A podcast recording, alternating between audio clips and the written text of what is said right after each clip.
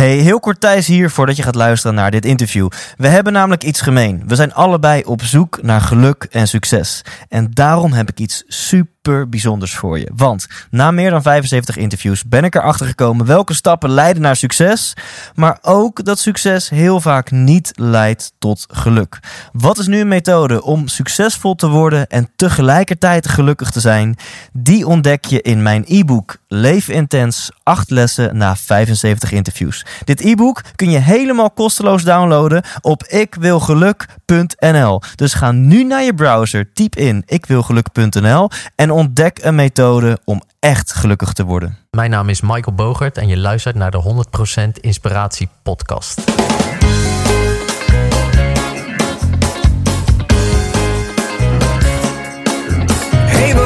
Je luistert. Hij staat weer voor je klaar. Je wekelijkse dosis inspiratie is weer daar. De allerleukste gasten geven al hun kennis prijs. Met je veel te blije host, hij praat je bij. Zijn naam is Thijs. Thijs, Thijs, Thijs, Thijs, Thijs. 100% Thijs. Welkom bij aflevering 33. Ja, ja, het getal van Max Verstappen. Alhoewel, dat heeft helemaal niks te maken met dit interview. Nou, misschien een beetje, want om bij de topsporters te blijven... ik ga in deze aflevering, in aflevering 33 van de 100% Inspiratie Podcast... Michael Bogert voor jouw interview. En ik moet eerlijk zeggen, dit vind ik een grote eer. Het staat ehm, al heel lang op mijn lijstje om hem te interviewen... omdat ik ervan overtuigd ben dat wielrenners van alle topsporters... zo'n beetje het hardste trainen. En daar is een killer mindset voor nodig. Daar is een ijzersterke mindset voor nodig. Althans, dat is mijn hypothese. En die ga ik eh, stellen aan Michael. Ik ben daar heel benieuwd naar. Dus wat kun je verwachten in dit interview? Heel kort trouwens, mocht je hem niet kennen, mocht je onder een steen hebben geleefd. Hij heeft twee etappen overwinningen in de Tour de France behaald. Hij heeft de Amstel Gold Race gewonnen. Hij is ruim een decennium lang. In de periode dat hij actief was, is hij gewoon de meest succesvolle Nederlandse wielrenner geweest. En uh, we gaan het dus onder andere hebben over die motivatie, die mindset. Hoe, hoe, hoe krijgt hij het voor elkaar om elke dag zo, zo ontzettend hard te trainen? En dat weken, maanden, jaren lang.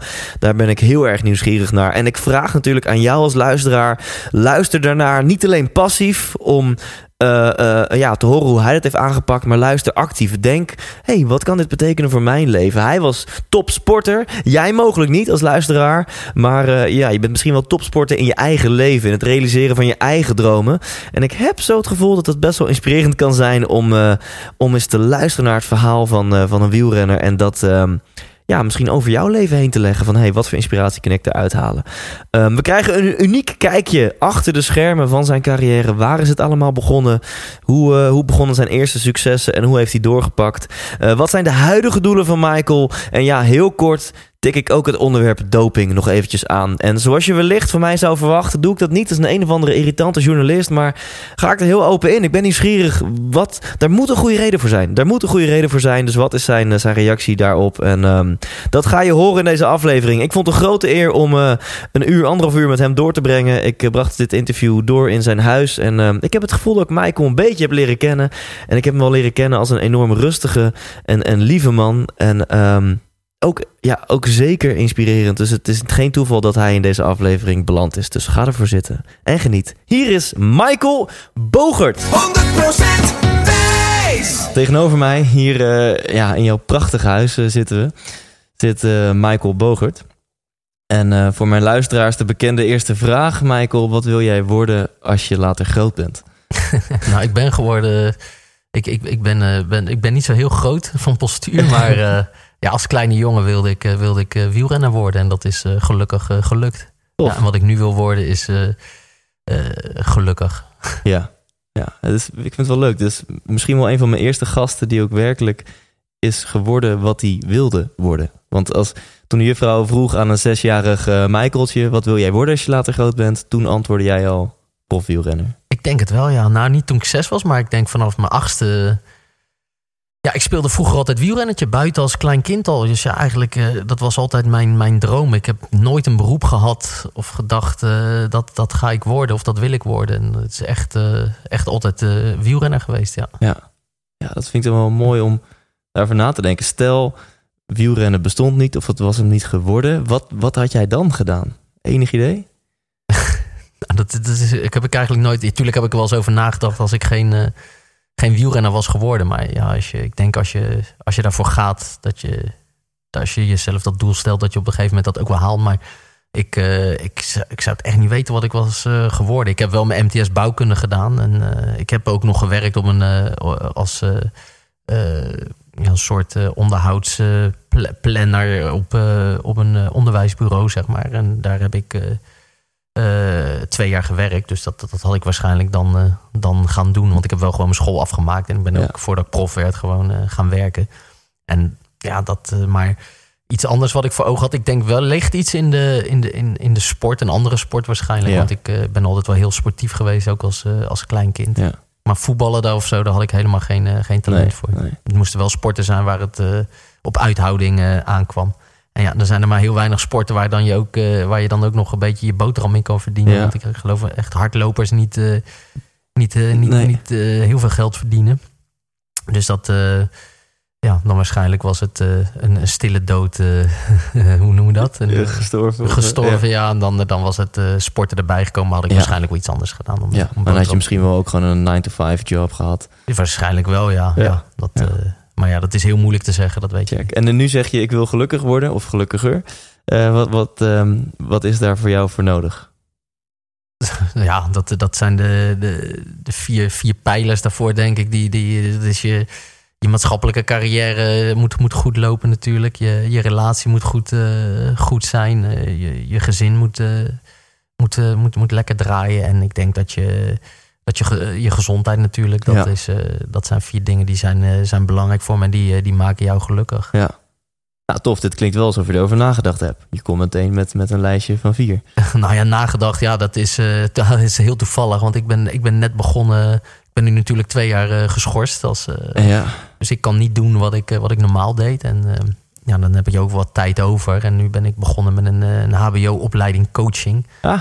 En daar, eh, ik wilde wat doen wat ik ook kan toepassen als ik, eh, als ik straks weer mijn, job kan uitvoeren.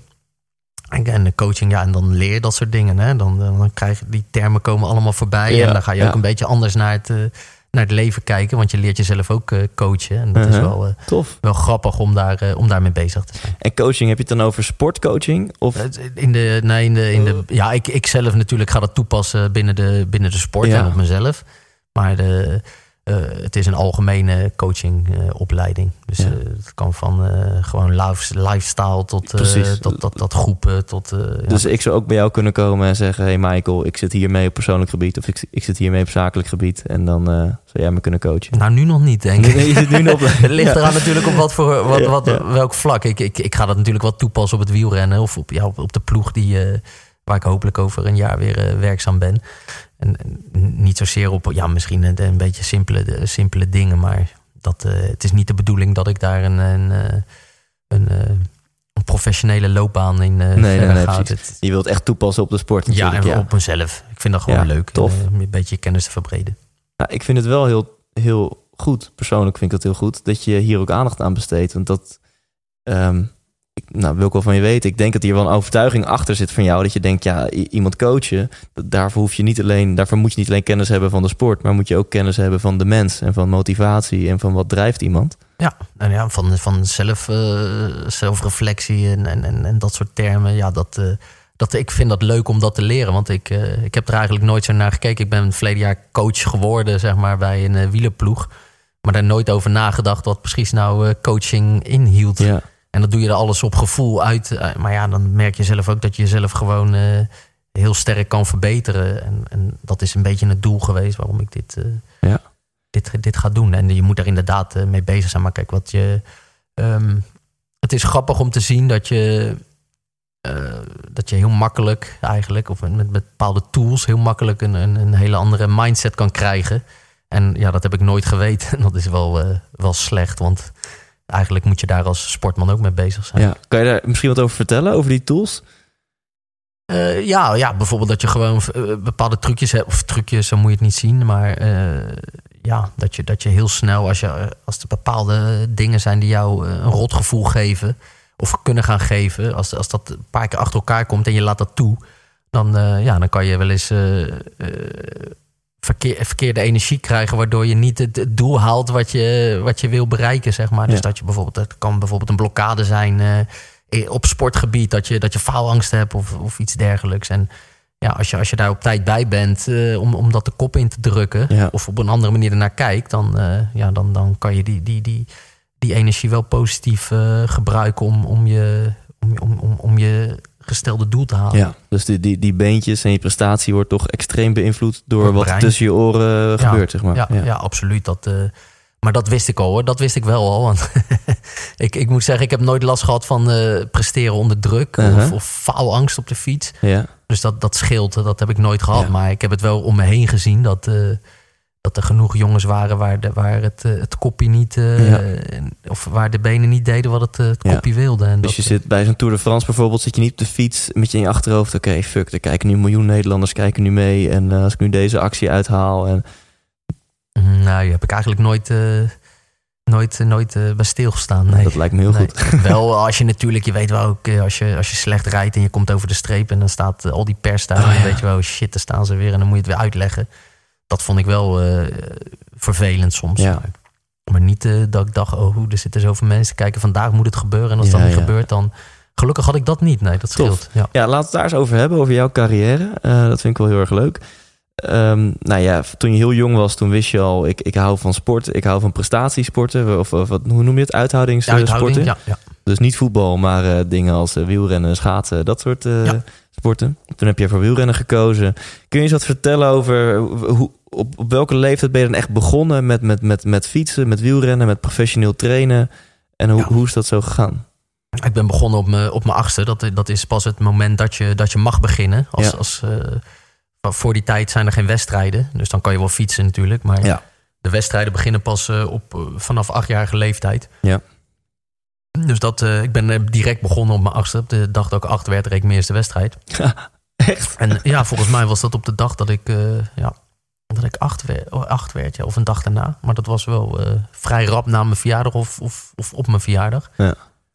En eh, mijn tweede wedstrijd, ik werd mijn eerste wedstrijd zesde. Dus ik had een rotbui, want ik, was, ik had er zo naartoe geleefd. Dat ik dacht, ja, ik, ik had in mijn dromen natuurlijk, won ik gelijk mijn eerste koers. Ja. Maar dat, eh, dat werd het niet. Ik, ik werd zesde. Dus dat was een teleurstelling. Ik was echt zagrijnig. En, Nou, mijn tweede mooi? wedstrijd won ik wel direct. Ja? Dus die, die heb ik, heb ik het gelijk goed gemaakt. Kijk.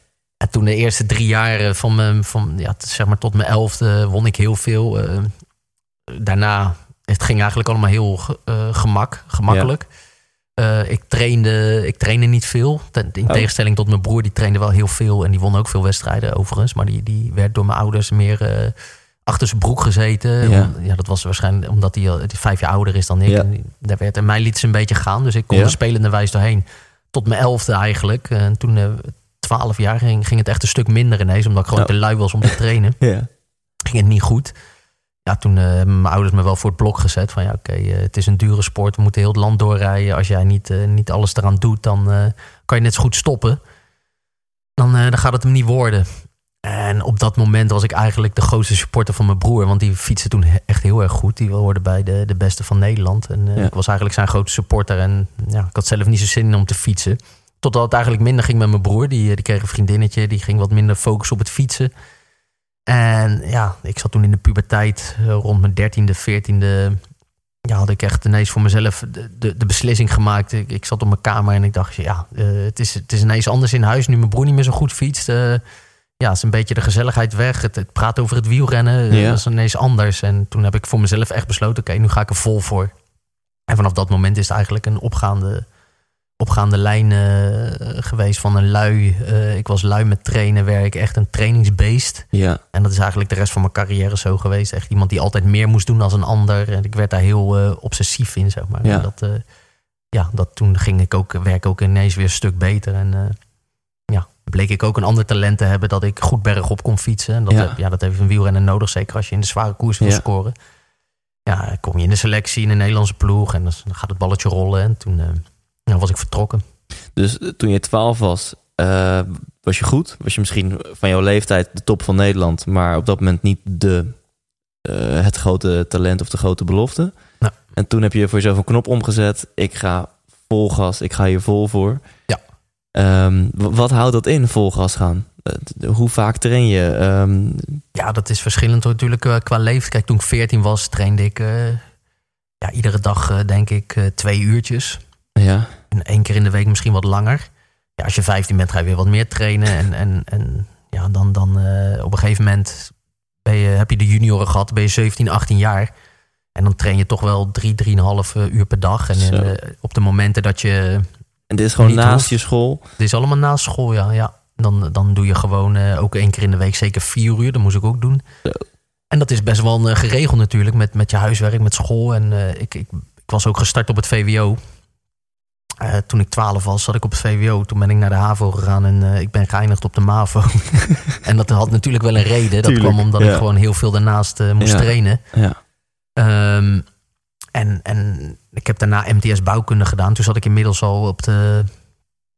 Ehm, toen zat ik al in de nationale ploeg. ja, Ja, dan moest ik echt. eh, mijn moeder moest naar school om allerlei dingen te regelen. Toen had je nog niet die, die scholen die speciaal voor sporters waren eh, opgezet. Mijn moeder moest echt, echt eh, ja, naar de directeur en zeggen van... joh, luister, dit is voor Michael heel belangrijk.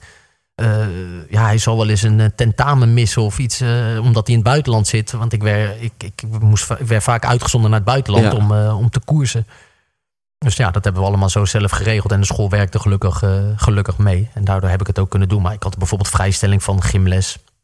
Nou, als je twee keer in de week eh, twee uur gym hebt, dan, dan ging ik gewoon fietsen. Dan stond ik gewoon heel vroeg op. Om zes uur stond ik op, zat ik om half zeven op de fiets. En dan, was ik, eh, dan ging ik twee uur keihard trainen. En dan was ik om half tien op school, bij wijze van spreken. Of om, om, om half Ja. elf op school.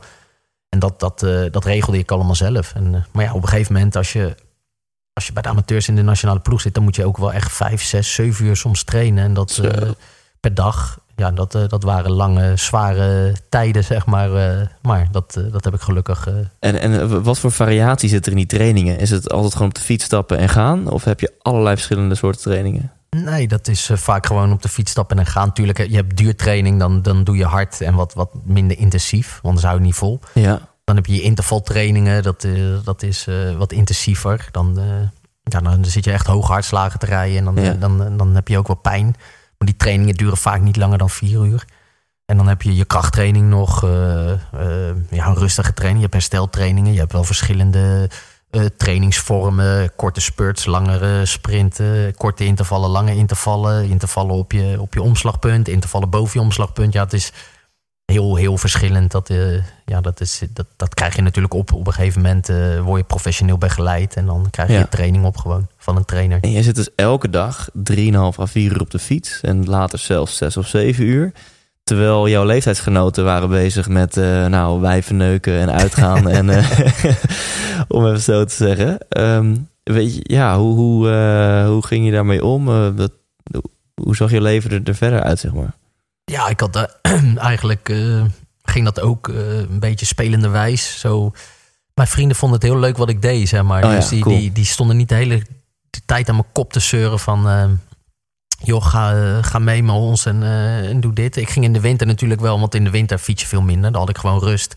En dan trainde ik minder. En dan ging ik wel met die jongens op stap, absoluut. Ik heb wat dat betreft niks gemist. Maar wat ik wel altijd moeilijk vond, dat, dat was zeker toen die mannen zo uh, 17, 18 waren. Dan gingen ze, gingen ze in een tentje naar Noord-Spanje. En dan uh, gingen ze inderdaad uh, achter de vrouw aan. En uh, dat, dat kon ik niet doen. Nee, en en nee. dan, vond ik dan, dan had ik altijd wel zo'n momentje. Oh, ja, ik wel, dit had ik wel een keer willen doen met die mannen. Maar Ja. ja, dat ging gewoon niet. Maar in de winter haalde ik de schade, de schade in. En dan, dan ging ik ook gewoon Ja. goed los. En niet lang. Dan weet je, dat was een maandje dat je een beetje ging feesten. Maar Ja. dat, dat was in, in half december toch wel klaar. En dan was het gewoon uh, weer de focus op het fietsen. En Ja. Ik, heb, ik heb daar eigenlijk nooit...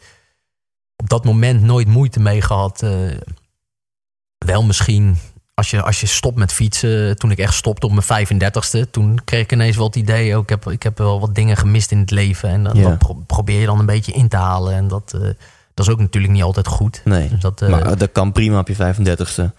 Oh ja, toch? tuurlijk, tuurlijk. Nee, maar ik bedoel meer, ja, ik, ik kwam in, een- midden in een scheiding terecht. Ja, ik, ja. ik kwam een beetje in een zwart gat na mijn carrière. En, en eh, ja, dan, eh, Ja.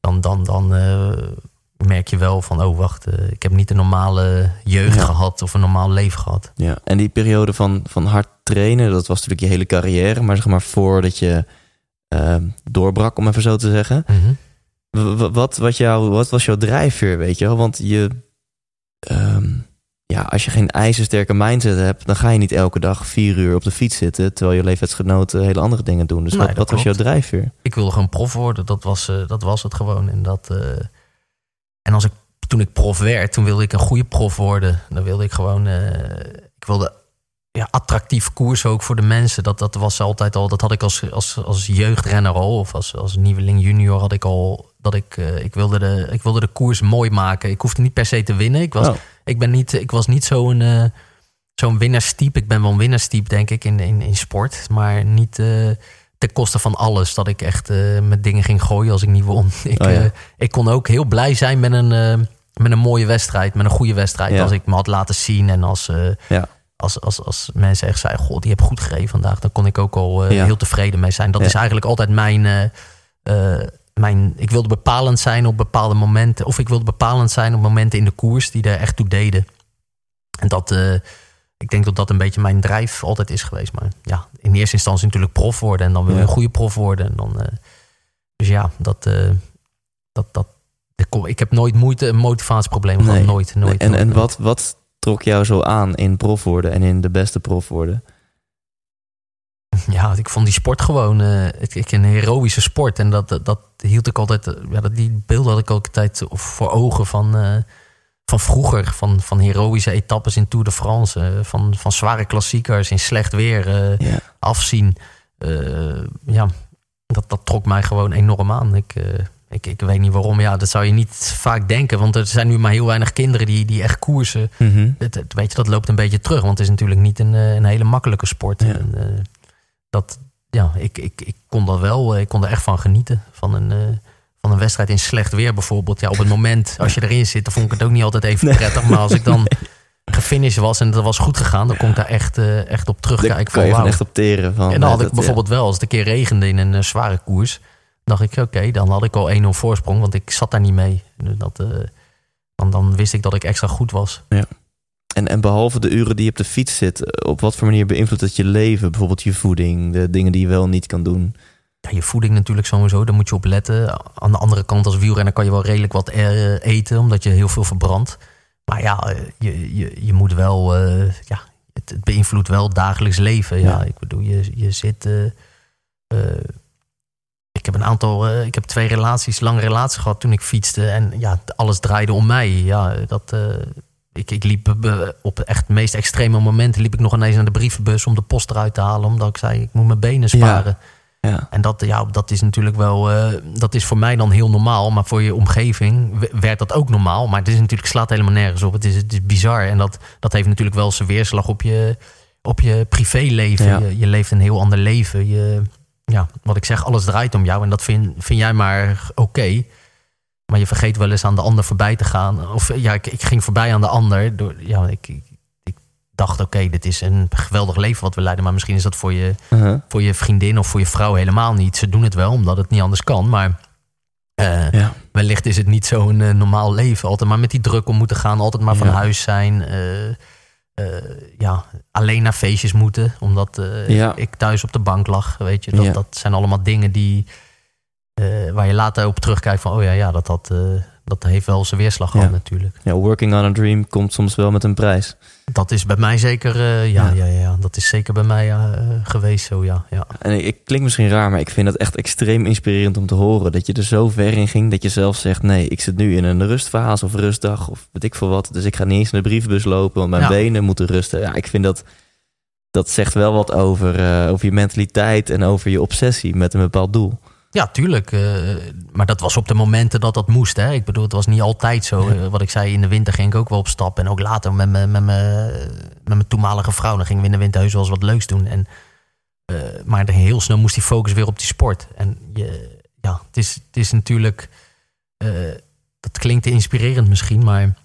Het, het, het was ook niet de meest gelukkige tijd van mijn leven. Op die momenten dat ik echt van mezelf moest blijven liggen op die bank. En ik zei, Ja. ik, loop gewoon niet naar die bank. Ja. Of naar die, naar, die, eh, naar die postbus. Ja. Ik blijf hier gewoon liggen. Weet je, en dan, dan deed ik dan ook gewoon niet. En, maar of ik daar nou heel blij van werd, het moest dat voor mezelf doen. ja. En dat, eh dat wreekt zich ook weer, dat, eh, dat, dat gedrag. Want dat, dat, kan een, dat hou je niet vol. Weet je, En is het in die momenten misschien niet zo dat je helemaal niet bezig bent met word ik hier vrolijk van of niet? Ben ik nu gelukkig of niet? Dat je alleen maar bezig bent met dat ene doel? Ja, ik, ik dacht niet aan geluk. Ja, ik was gelukkig als ik, uh, als ik goede wedstrijden reed. Ja, en ja. en uh, voor de rest was ik eigenlijk nergens mee bezig. Ik was alleen Ja. maar bezig met fietsen. En, uh, ik, kreeg, ik heb ook een periode gehad dat ik heel zwaar hyperventilatie had als ik niet op de fiets zat. Dat heeft vijf jaar geduurd. Ja, dat, dat krijg je niet zomaar natuurlijk. Dat is ook iets wat je, wat je misschien door alle druk, door het leven wat je leidt, dat het niet altijd eh, een gemakkelijk leven was. En dat, ja, daarom zeg ik, ik kijk er nu wel heel anders op terug als destijds. Toen had ik zoiets van, eh, ja, oké, dit moet gewoon en eh, Ja. we doen het ook. En ik voelde me in die tijd wel oké als ik gewoon een goede, goede wedstrijd reed. Ja. En heb je het gevoel dat dit jou als persoon eh, mentaal en fysiek sterker heeft gemaakt? Dat je, je, je hebt dus jarenlang, je hele carrière lang, heb je duidelijke keuzes moeten maken. Heb je nee moeten zeggen tegen een hele hoop leuke dingen. Heb je elke dag getraind. Of je nou wel zin had of geen zin, dat deed er niet toe. Dus je hebt jezelf zo vaak gepusht en zo vaak eh, getraind. Dus eh, heb je het idee dat jezelf mentaal sterker heeft gemaakt? Dat denk ik niet. Ik denk dat, dat die mentale weerbaarheid die ik toen had, zeg maar, dat dat ook dat dat een soort aangeboren iets is. Dat je, daar, daar- dat je daarom dat ook haalt, zeg maar, omdat jij zo kan denken. Eh, ik denk het eigenlijk het tegenovergestelde, dat je altijd zo hard voor jezelf bent geweest, dat je na je carrière het, eh, het op sommige vlakken gewoon volledig laat lopen. Ja. Dat je niet meer de kracht hebt om, om, om, om zo eh, gedisciplineerd te zijn. Of, of, en je ziet dat ook veel bij, bij exporters. Of ze worden heel dik. Of Ja. ze, ze raken aan lage wal. eh, Ja. ja.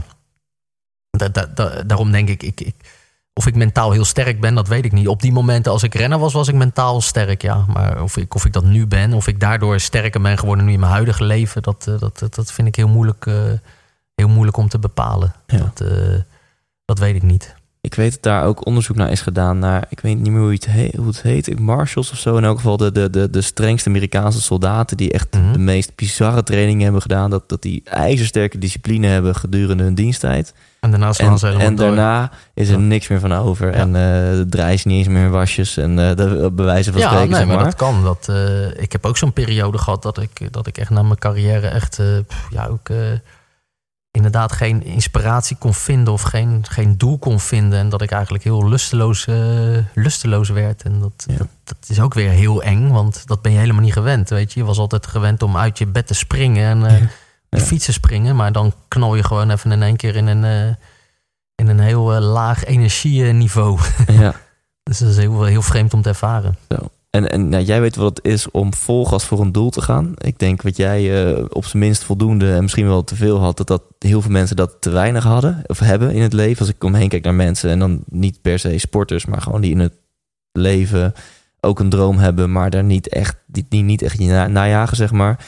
De vraag die hierin zit is: heb je, ja, heb je een soort van tip voor, voor mensen die, ehm, die ook een droom hebben, die ook een bepaald doel hebben, maar daar dus niet vol gas voor gaan?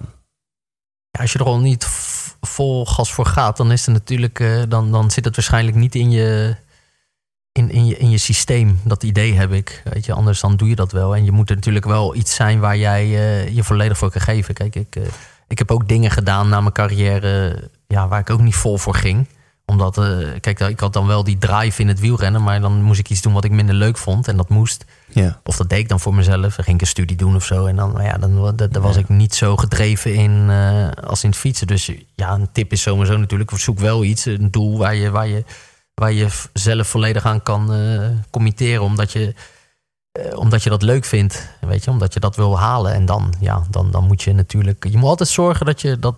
Dat hield ik me ook altijd voor. Je moet nooit spijt hebben achteraf. Van dat je zoiets hebt van ah, ik heb er te weinig aan gedaan.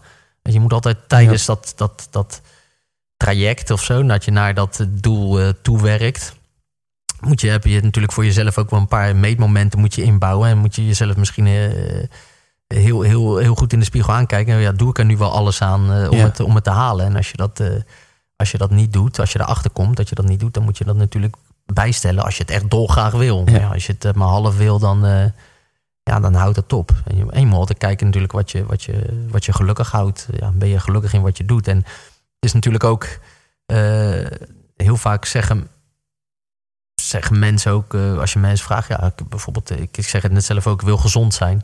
Maar dan moet je ook wel kijken, doe je er alles aan om gezond, uh, gezond te zijn. Dus dat heb je ook met doelen stellen. Als jij jezelf een doel stelt en je, je, je, je hebt dat opgeschreven, wij spreken, als je het allemaal heel eh, professioneel aanpakt en je, je schrijft het op, nou dat en dat wil ik halen. Ja, dan moet je daar wel, moet je eerlijk tegen jezelf zijn, dan moet je er wel voor gaan. Ja. Je, als, jij, eh, als jij zegt van, de meeste mensen zeggen, ja, ik wil, ik wil een, eh, een leuke relatie hebben, ik wil een goede relatie hebben, maar ze, ze, ze slaan elkaar iedere dag de tent uit. Dat, dat, dat klopt natuurlijk niet, weet je. Ja. Dat is, dat is dus je moet altijd, altijd blijven, eh, jezelf blijven toetsen. Dit vind ik mooi. Dus dit is een kijkje in jouw hoofd. Zo van, als jij een doel hebt, dan kijk je jezelf in de spiegel aan. En zeg je, maar doe ik er nu alles aan? Ja, Of het nou vroeger in je carrière als wielrenner was... of nu in je relatie of met je gezondheid... ben je gewoon heel confronterend naar jezelf. Van, hé, hey, ik heb dit doel. Doe ik er nou echt alles aan? Nou met fietsen wel, ja. Ik, ik, nee, ik, ik, ik heb ook twee relaties naar de kloten, dus eh, daar deed ik niet. ja. Nou ja, je was in elk geval wel actiegericht... want je hebt ze wel beëindigd. Weet je, wel. sommige mensen die nou, blijven... nee, ik niet. in eh, de eh, eerste wel, maar de tweede, mijn ex-vrouw, beëindigd. Maar ik bedoel, dat, ik bedoel, dat is niet dat je... Daar, daar liet ik wel ook... ik had alleen maar één doel, dat was dat wielrennen. En, en Ja. dan liet ik op het andere, andere vlakken... De, deed ik mezelf niet toetsen, maar dat deed ik bij het wielrennen Ja, wel. Dat ja, moest ik wel. Maar, en en, en zeg ook niet dat ik dat nu perfect met alles doe. Hè. Dat, eh, dat, is, eh, Ja. dat is helemaal niet zo, weet je. Ik, eh, ik zeg ook wel eens... Oké, nu ga ik een... een, een, weekje geen, geen Westmalle trippeltjes drinken, want dat is niet goed. Ja, Ja. Dan, en zeker hier in België, ik bedoel, als ik dan eventjes naar iemand ga om iets af te geven of zo, ja, dan zet- zetten ze gelijk een Westmalletje neer, omdat ze weten dat ik er graag drink. En dan, ja, dan kan ik hem toch echt niet, eh, Ja, ja, ja. niet laten staan. Dus ja, Ja. wat dat betreft ben ik ook, eh, dan zeg ik ook wel, nou, ik ga nu een week Ja. even dat laten staan. Maar ja, daar Ja, ben ik dan ook slecht in. Dus het, het gaat natuurlijk wel om dingen die echt heel belangrijk zijn. Ja. Maar eh, om een leuk voorbeeld is misschien dat ik... ik heb met mijn vriendin meegedaan destijds aan zo'n schaatsprogramma. Dat Sterrendans op het ijs. Ja, En, en eh, dat kwam heel dicht voor mij bij eh, het leven als eh, topsporter. Want dat is een heel zwaar programma. Je Ja. moet presteren onder druk, want Ja. het is live. Ehm, je wordt helemaal uit je comfortzone gehaald. Want ja, ik moest danspasjes doen en zo'n strak broekje aan. En, en allemaal gekkigheid, glimmeren. of allemaal glitters, glitterpakjes ja. vond ik helemaal niet fijn. Maar ik, ik wist, oké, als ik hier heel hard voor train, dan, eh, dan kunnen we misschien winnen. En ik wil winnen. Dus, en ik zei ook tegen haar, toen ik haar, eh, toen ze ja, mij werd voorgesteld, ik zeg, ja, wij gaan gewoon dit programma winnen. Zij keek me al zo aan. Ik zeg, ja, dat gaan we gewoon doen. En eh, we hebben het ook gewonnen.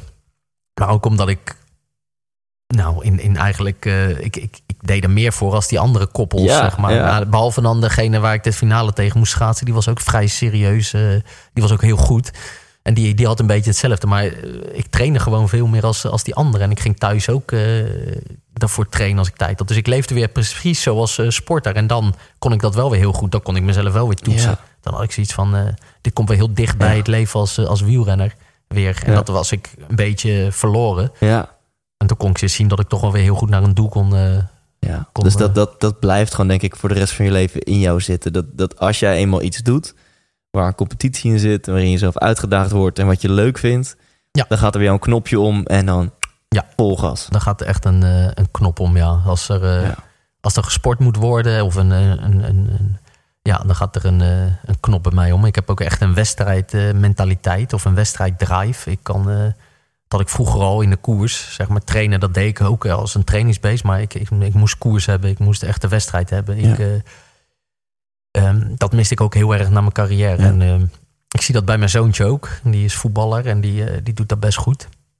En dan zie ik echt dat hij in de wedstrijd altijd nog even iets meer geeft dan, eh, dan op training. Ja, Dat hij op ja, training altijd heel goed afwerkt, maar dat hij in de wedstrijd eh, echt ook zo ze, ze kan vechten en knokken voor zijn team om, om maar die overwinning eh, te, te, te pakken. Zo. En om een kijkje in, jou, in jouw hoofd te krijgen, zeg maar. Wat, wat zeg jij dan tegen jezelf, waardoor dat knopje omgaat? Weet je, waar, waar focus jij je op? Eh, Wat, wat zijn je gedachten, waardoor je die knop zo makkelijk om kan zetten? Nee, dat gaat vanzelf. Het is niet een truc voor of zo. Nee, man. Dat- Nou ja, jij vindt het heel normaal. Nee, want ik twijfel ook altijd als ik bijvoorbeeld een. eh, het, ja, dat, dat is gewoon iets wat.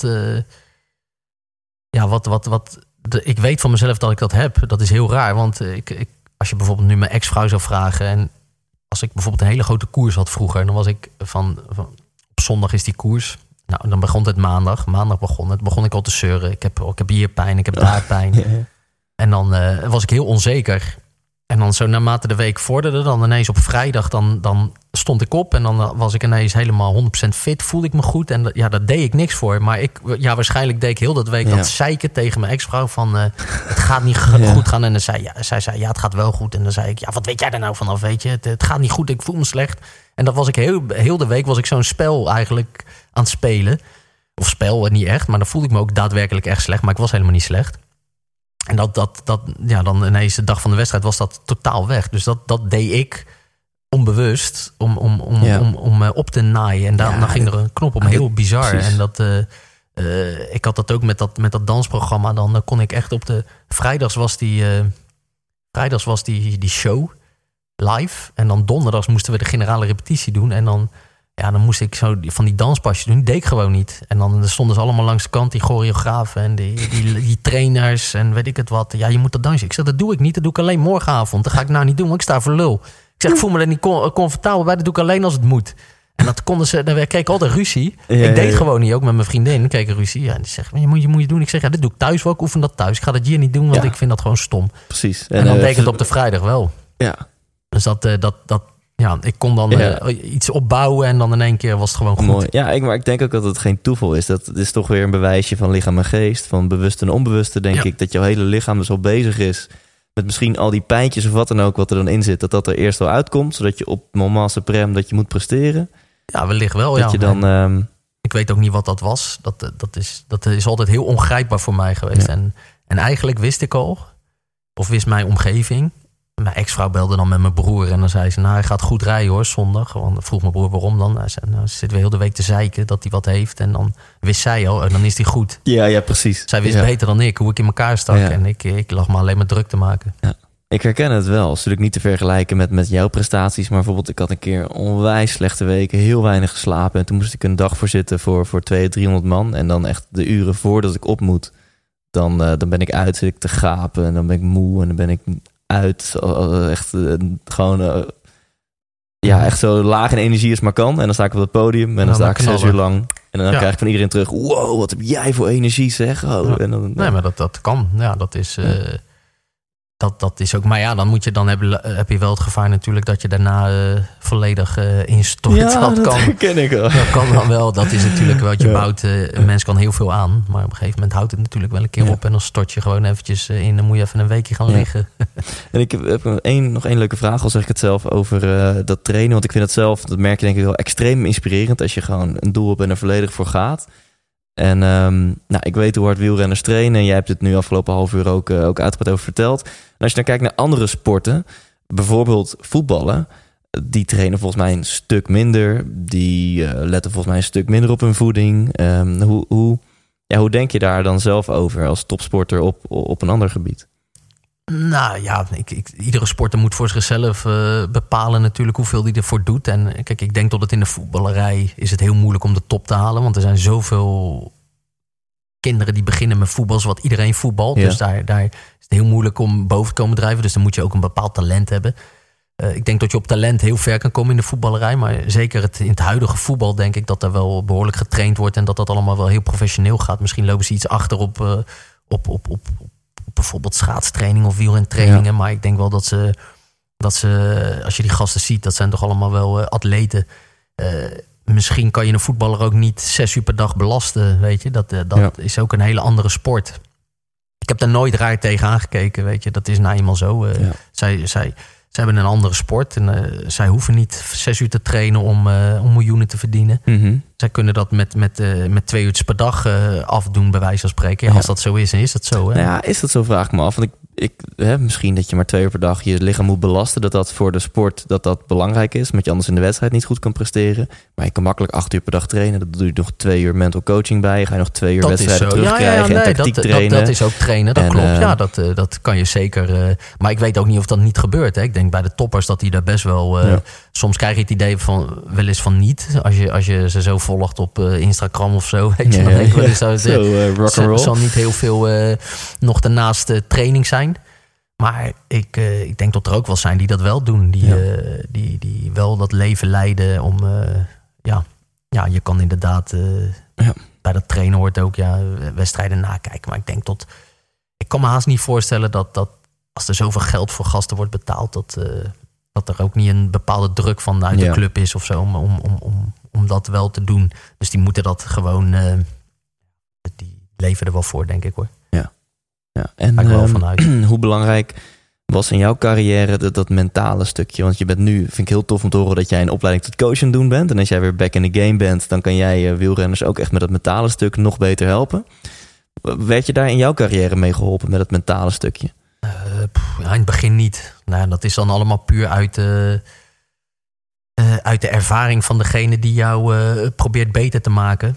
En die, die, sommige mensen hebben daar gewoon een, een gave voor. Die kunnen dat gewoon heel goed. Die kunnen jou heel, of heel goed motiveren. Of die kunnen jou heel goed uit de put praten als je, als je in, de put, in de put zit. of als het niet lekker loopt. Maar niet dat dat dan mental coaches waren. Dat, die waren niet zo gekwalificeerd. Dat waren Ja. gewoon lui die, die dat goed konden. Ja.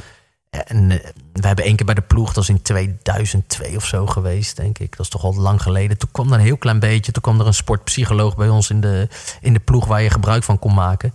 Maar daarvoor eh, was dat niet echt aan de orde. Wielrennen is ook best wel een harde sport. Ja. Zeker in die tijd. Van je moest allemaal maar gewoon normaal doen en, eh, en gewoon trainen en niet zeiken. Ja. Zo, zo'n sfeer hing er altijd om, om het wielrennen heen. Ja.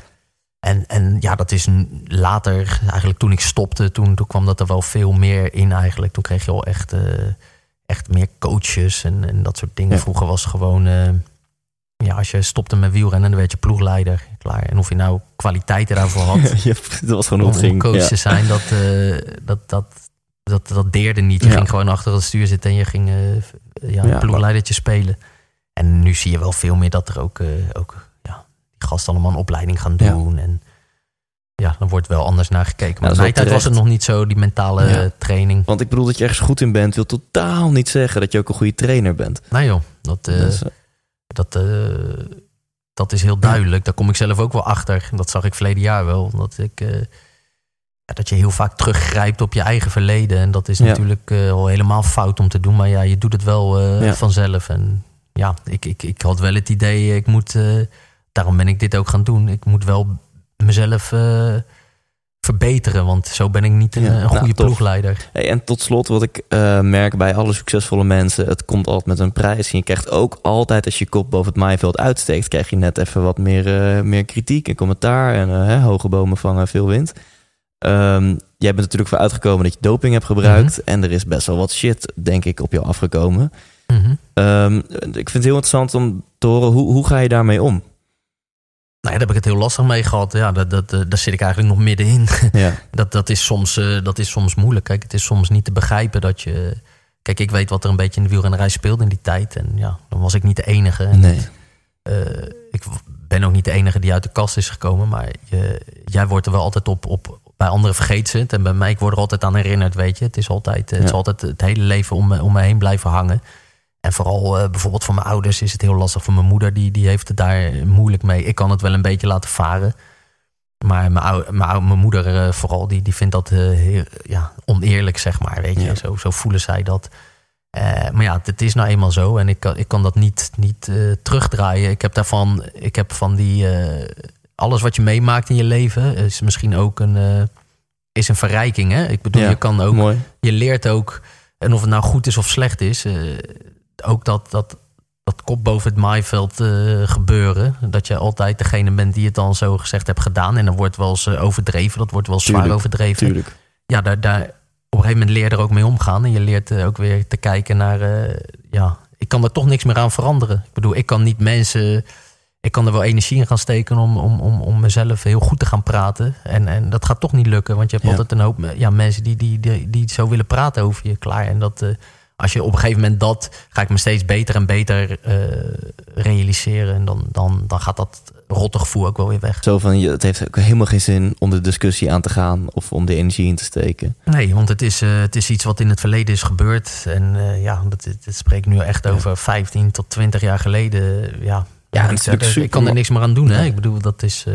Het is super makkelijk nu voor mensen over het algemeen leken om daarop te schieten en daar kritiek op te hebben. Terwijl die weten natuurlijk helemaal niet hoe toen eh, de sport in elkaar zat. Eh, en Nee. ik kan me zo voorstellen dat het enorm wordt opgeblazen en dat het in die tijd iedereen het deed. En als je het niet deed, dan maakte je geen kans. Ja, zo simpel was het, ja. En toen kwam erbij. Maar dat wil niet zeggen dat je daardoor niet... het was geen... spuiten, spuitende, slikkende bende. Nee. Die, eh, die alleen maar een, een spuit in de reet zetten en dan eh vooruit spoten. Dat is het ook Ja. natuurlijk niet. Je, je moest er wel wel nog net zo Alsof ik nu een spuit in mijn reet zet en morgen een wedstrijd zou kunnen winnen. Nee, dat gaat Dat slaat natuurlijk helemaal nergens Nee, op. nee, Ja. nee. Het kan wel, alles kan, maar ik acht de Nou. kans heel, eh, heel klein, ja. Ja, ja. Oké, dus ehm, ja, de, hoe je ermee om... Je, je hebt het er moeilijk mee, geef je eerlijk toe. Ja, en, zeker, en, wat je eh, wel helpt, is om het misschien gewoon maar te laten gaan en te zeggen... alles wat in je leven gebeurt, verrijkt je ook weer. Dus misschien dat je toch op zoek gaat naar een, een soort van positieve betekenis aan deze situatie. Nou, positief. Eh, Ja, je, je, het, is, het is bagage, zeg maar. Het, het, het vormt jou als, eh, als mens, denk ik. En dat, eh, ja, daar horen ook de, de, de minder leuke, leuke kanten bij. En ja, als ik... kijk, dat gaat niet altijd goed. Soms kan ik mezelf wel eens voorhouden. Ik heb ook wel eens mindere momenten. Maar soms denk ik ook wel eens... Oké, ik, ik vind het niet fijn om me, om me rot te voelen. Ja, Dus ja, als ik me rot voel.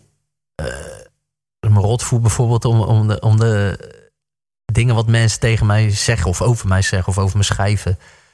Ja, als ik me daar rot door voel. en ik wil me niet rot voelen. ja, dan, dan, dan moet ik toch een manier zien te Ja. vinden. Dan moet je zelf een manier vinden om, om, je, om je goed te gaan voelen. Ja. Want ik wil me niet slecht Ja. voelen door wat anderen zeggen. Dus ja, dan moet je het op een gegeven moment ook laten varen. en dan heb je slechte manieren om dat gevoel weg te krijgen... door eh, te gaan eten of te gaan zuipen, wat sommige mensen doen. Maar je hebt ook wat, wat betere manieren. Eh, wat is jouw manier? Dat als je na zo'n stuk leest, dat je echt denkt... Goh, weet je wel... Nou, dat is een combinatie hè, van suipen en... het is allebei. Soms nou ja, ik hou wel van een wijntje en zo. Dus dat... Ja. eh, dat, Dat gaat er soms wel in. Ja, nou, dan maak je ook weer wat minder druk natuurlijk. Ja. Maar de- nee, ja, wat mijn manier is, dat nou ja, veel proberen erover te denken en over te lezen. En, en ja, om dat, om dat toch ook toe te passen, zeg maar. Je moet dat trainen, dat is ook trainbaar, zeg maar. Weet je? Het is trainbaar om je, om, je, om je goed te voelen. Ja. Maar niet dat je, want je woont hier in een prachtige omgeving. Niet dat je even op de fiets springt en denkt... even, even rammen, even sporten, eventjes in de natuur zijn. En, eh, Nee, nee, afleiding. nee, nee. Ik, dat vind ik ook altijd zo mooi. eh, ik, dat,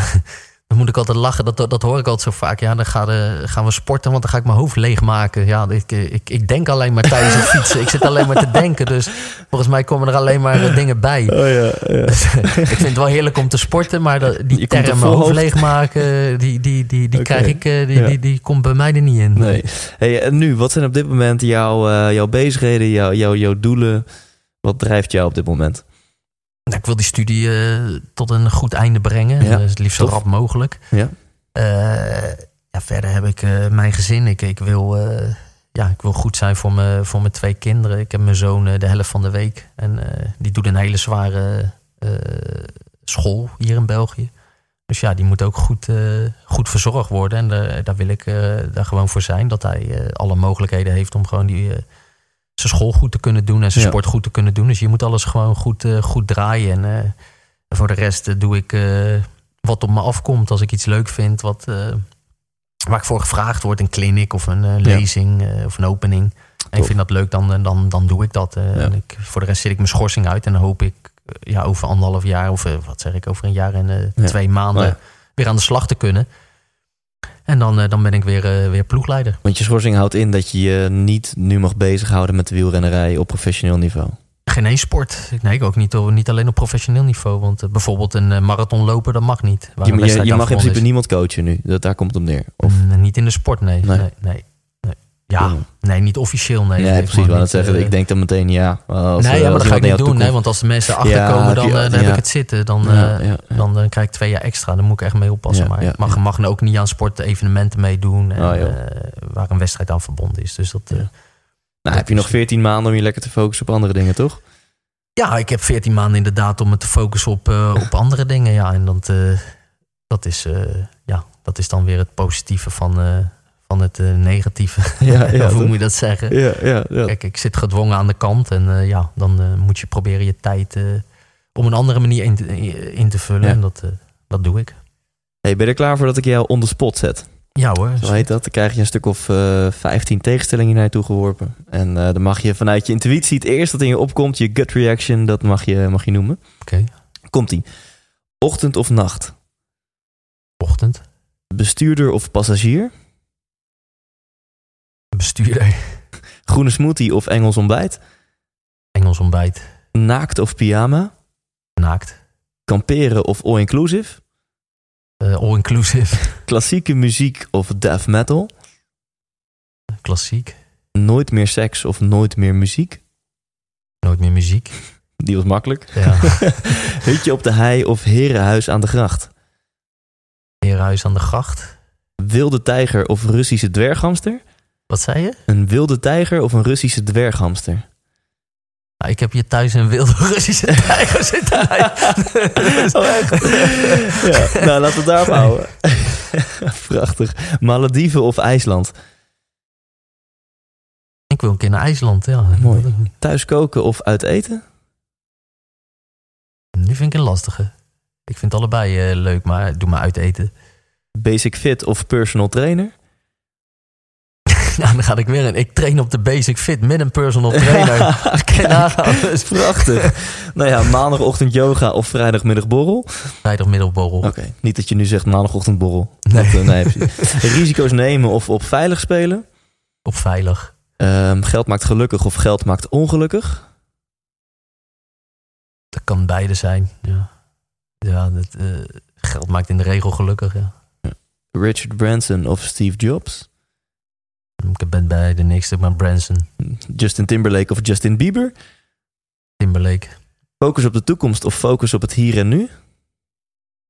Ehm, hier en nu. En genieten van de weg er naartoe of genieten van het eindresultaat? Genieten van de weg daar naartoe. Hoe, eh, hoe heb je dat zelf ervaren in jouw, jouw wielercarrière? Je zegt genieten van de weg er naartoe. Nou, dat was altijd, eh, dat, dat is iets wat ik heel makkelijk kan oproepen. Dat, eh, dat, dat hele traject naar een belangrijke wedstrijd toe. Dat, dat de spanning opbouwen Ja, en ja. dergelijke. Dat, daar had ik ook veel plezier in die tijd. Als je wist dat je ergens voor ging en, en alles lukte ook, dan daar kon ik ook heel veel plezier uithalen totdat die dag er was. En daar haal je natuurlijk ook veel plezier uit. En dan, Ja. als het dan afgelopen was, dan kon je echt terugkijken op, het hele, dat hele, op die hele periode. Dat vond ik altijd prettig. Tof. Ik heb een vraag voor jou van, eh, nou ook een bergbeklimmer, maar dan niet eh, op twee wieltjes, maar eh, gewoon met zijn schoentjes. En dat is Wilco van Rooyen. En die vraag ga ik er nu bij pakken. Nou, waar ik heel benieuwd naar ben, na zo'n lange carrière, ehm, nou ja, wat, wat Michael Bogert nou als, als belangrijkste lessons learned heeft, ook voor zichzelf, maar natuurlijk ook voor andere wielrenners. En ik ben heel erg benieuwd als hij nou weer diezelfde carrière over zou doen, ja, wat hij anders zou doen. Eh, want ik, ik, ik, ik, eh, ik heb zo'n gevoel, dat lijkt me althans. Iedereen leert natuurlijk van, eh, van de keuzes. eh, maar dat, dat je een aantal dingen toch anders doet. En wellicht dat hij daardoor ook andere wielrenners weer eh, nou ja, eh, mee zou kunnen, kunnen helpen. En niet alleen wielrenners. Misschien zijn die lessen wel eh, heel menselijk en breed, ook voor ons. Oeh, best wel lastig. Kijk, laat ik vooropstellen dat het... eh, want hij doet natuurlijk ook een beetje op mijn dopinggebruik. Eh, het wielrennen is nu heel anders. Er wordt veel minder doping gebruikt. Dus als ik het nu zou doen, dan, dan denk ik dat het veel makkelijker is om beroepsrenner te zijn. Dat je niet voor die keuzes eh, komt staan die ik, Mhm. die ik, die ik zou, zou hebben moeten, of die ik heb moeten maken. Zou het wielrennen nog steeds hetzelfde zijn en ik moet alles opnieuw doen, ja, dan, dan kom ik eigenlijk, ben ik altijd tot de conclusie gekomen dat ik waarschijnlijk toch weer op die manier zou, eh, zou doen. Ik zou wel veel minder eh, mensen in vertrouwen nemen. Ik zou Ja. het echt meer, eh, meer op mezelf houden en niet zo open meer zijn naar, naar sommige jongens toe of naar sommige mensen toe. Ik zou, ik zou wat geslotener zijn. Mhm. Ik zou veel meer aan mezelf denken. Ik was toch altijd wel een renner die ook er niet vies van was om andere jongens te helpen tijdens de koers. Ik Oh, zou meer, meer aan mezelf denken, meer een klootzak zijn. Dat is, een, eh, dat is denk ik de belangrijkste die ik, eh, die ik altijd bij mezelf heb gehad. En ik zou me wat, wat, wat minder druk maken. Eh, ik wilde altijd het hele jaar goed zijn. Er overal staan. En dat, dat zou ik ook niet meer doen. Ik zou veel meer pieken. Ik zou minder Tour de France gaan rijden. Ik zou me meer focussen op, op Giro en eventueel Vuelta. Dat is toch wel het belangrijkste wat ik, wat ik heb geleerd. Als ik het nu zou moeten overdoen. Tof. Ja, dat is een mooi lijstje. Nou. Ik denk als, eh, als jong talent, eh, als wielrenner luistert, eh, zou ik zeggen, neem Doe deze wat tips. mee. je doet Nou er wat ja. mee, zeker. Ik ben niet altijd een goed voorbeeld geweest natuurlijk. Het is, ze moeten zeker niet op, op, op dopinggebied een voorbeeld aan mij gaan nemen. Dat zou niet zo... nee, maar goed, er waren zo, andere tijden, wat je zelf Tuurlijk, dat zijn andere tijden. En Ja. ik, ik zeg ook vaak, was ik maar wielrenner geweest in deze tijd, dan Ja. was ik ook een goede geweest. Tof. Je mag een vraag doorgeven. Helaas is het nog even niet bekend wie dat wordt. Maar goed, eh, ik zorg er altijd Dat weer wel. voor dat een inspirerend en interessant persoon voor mijn microfoon verschijnt. Dus jij mag eh, aan hem of haar een mooie vraag stellen. Oh ja, maar dan moet ik wel eerst weten wie het is, anders dan weet ik. Oh. ja, dus, ja, dan, Kunnen we het niet zo afspreken dat als jij weet wie het is, dat ik dan de vraag oh, stel? oh, dat vind ik een goeie. Ja, dan kan je hem gewoon via de eh, app even ja, is, inspreken. ja, doen we, doen we dat. Ik heb aan, aan, aan, natuurlijk aan Kim Holland een hele andere vraag eh, dan aan de minister-president. Nou ja, dan ga ik één van die twee. eh, Nee. ja, ja. Tof, nee, ik, ik, ik, eh, dan kan je via je app dat even inspreken. Dan doe ik het op die manier. Tot slot, Michael, is er een vraag die ik had moeten stellen aan jou, maar niet heb gedaan? Oh nee, daar kom ik ook niet zo snel op. Nee, nee, nee, nee. nee. Wat ik al zei, voor het interview mag me alles vragen. Of heb je misschien een slottip voor mensen die luisteren?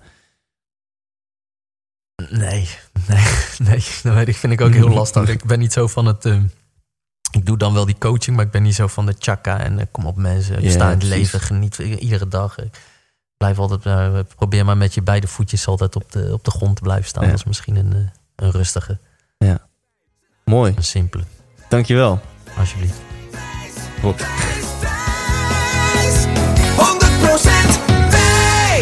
Yes, dat was hem. Je hebt geluisterd naar aflevering 33 van de 100% Inspiratie Podcast. Voor de rekenwonders onder ons volgende week aflevering 34. En wie ik daar interview, dat hou ik nog eventjes voor me. Dat blijft eventjes geheim. Ga er weer eh, voor zitten, of staan, of rennen, of koken, of wat dan ook. In elk geval, eh, ga hem gewoon weer luisteren. Ik ehm, hoop tot dan. Leef intens. Hey, Thijs hier nog even heel kort. Als je dit interview hebt geluisterd, dan ben je net zo'n gelukstijgertje als ik. En dan is er maar één ding wat je nu het allerbeste kunt doen. Namelijk gaan naar ikwilgeluk.nl, want daar download je helemaal kosteloos mijn e-book en ontdek je wat wel en niet gelukkig maakt. Oftewel, bespaar jezelf een hele hoop ellende van het zelf proberen uit te vogelen en ga nu naar ikwilgeluk.nl.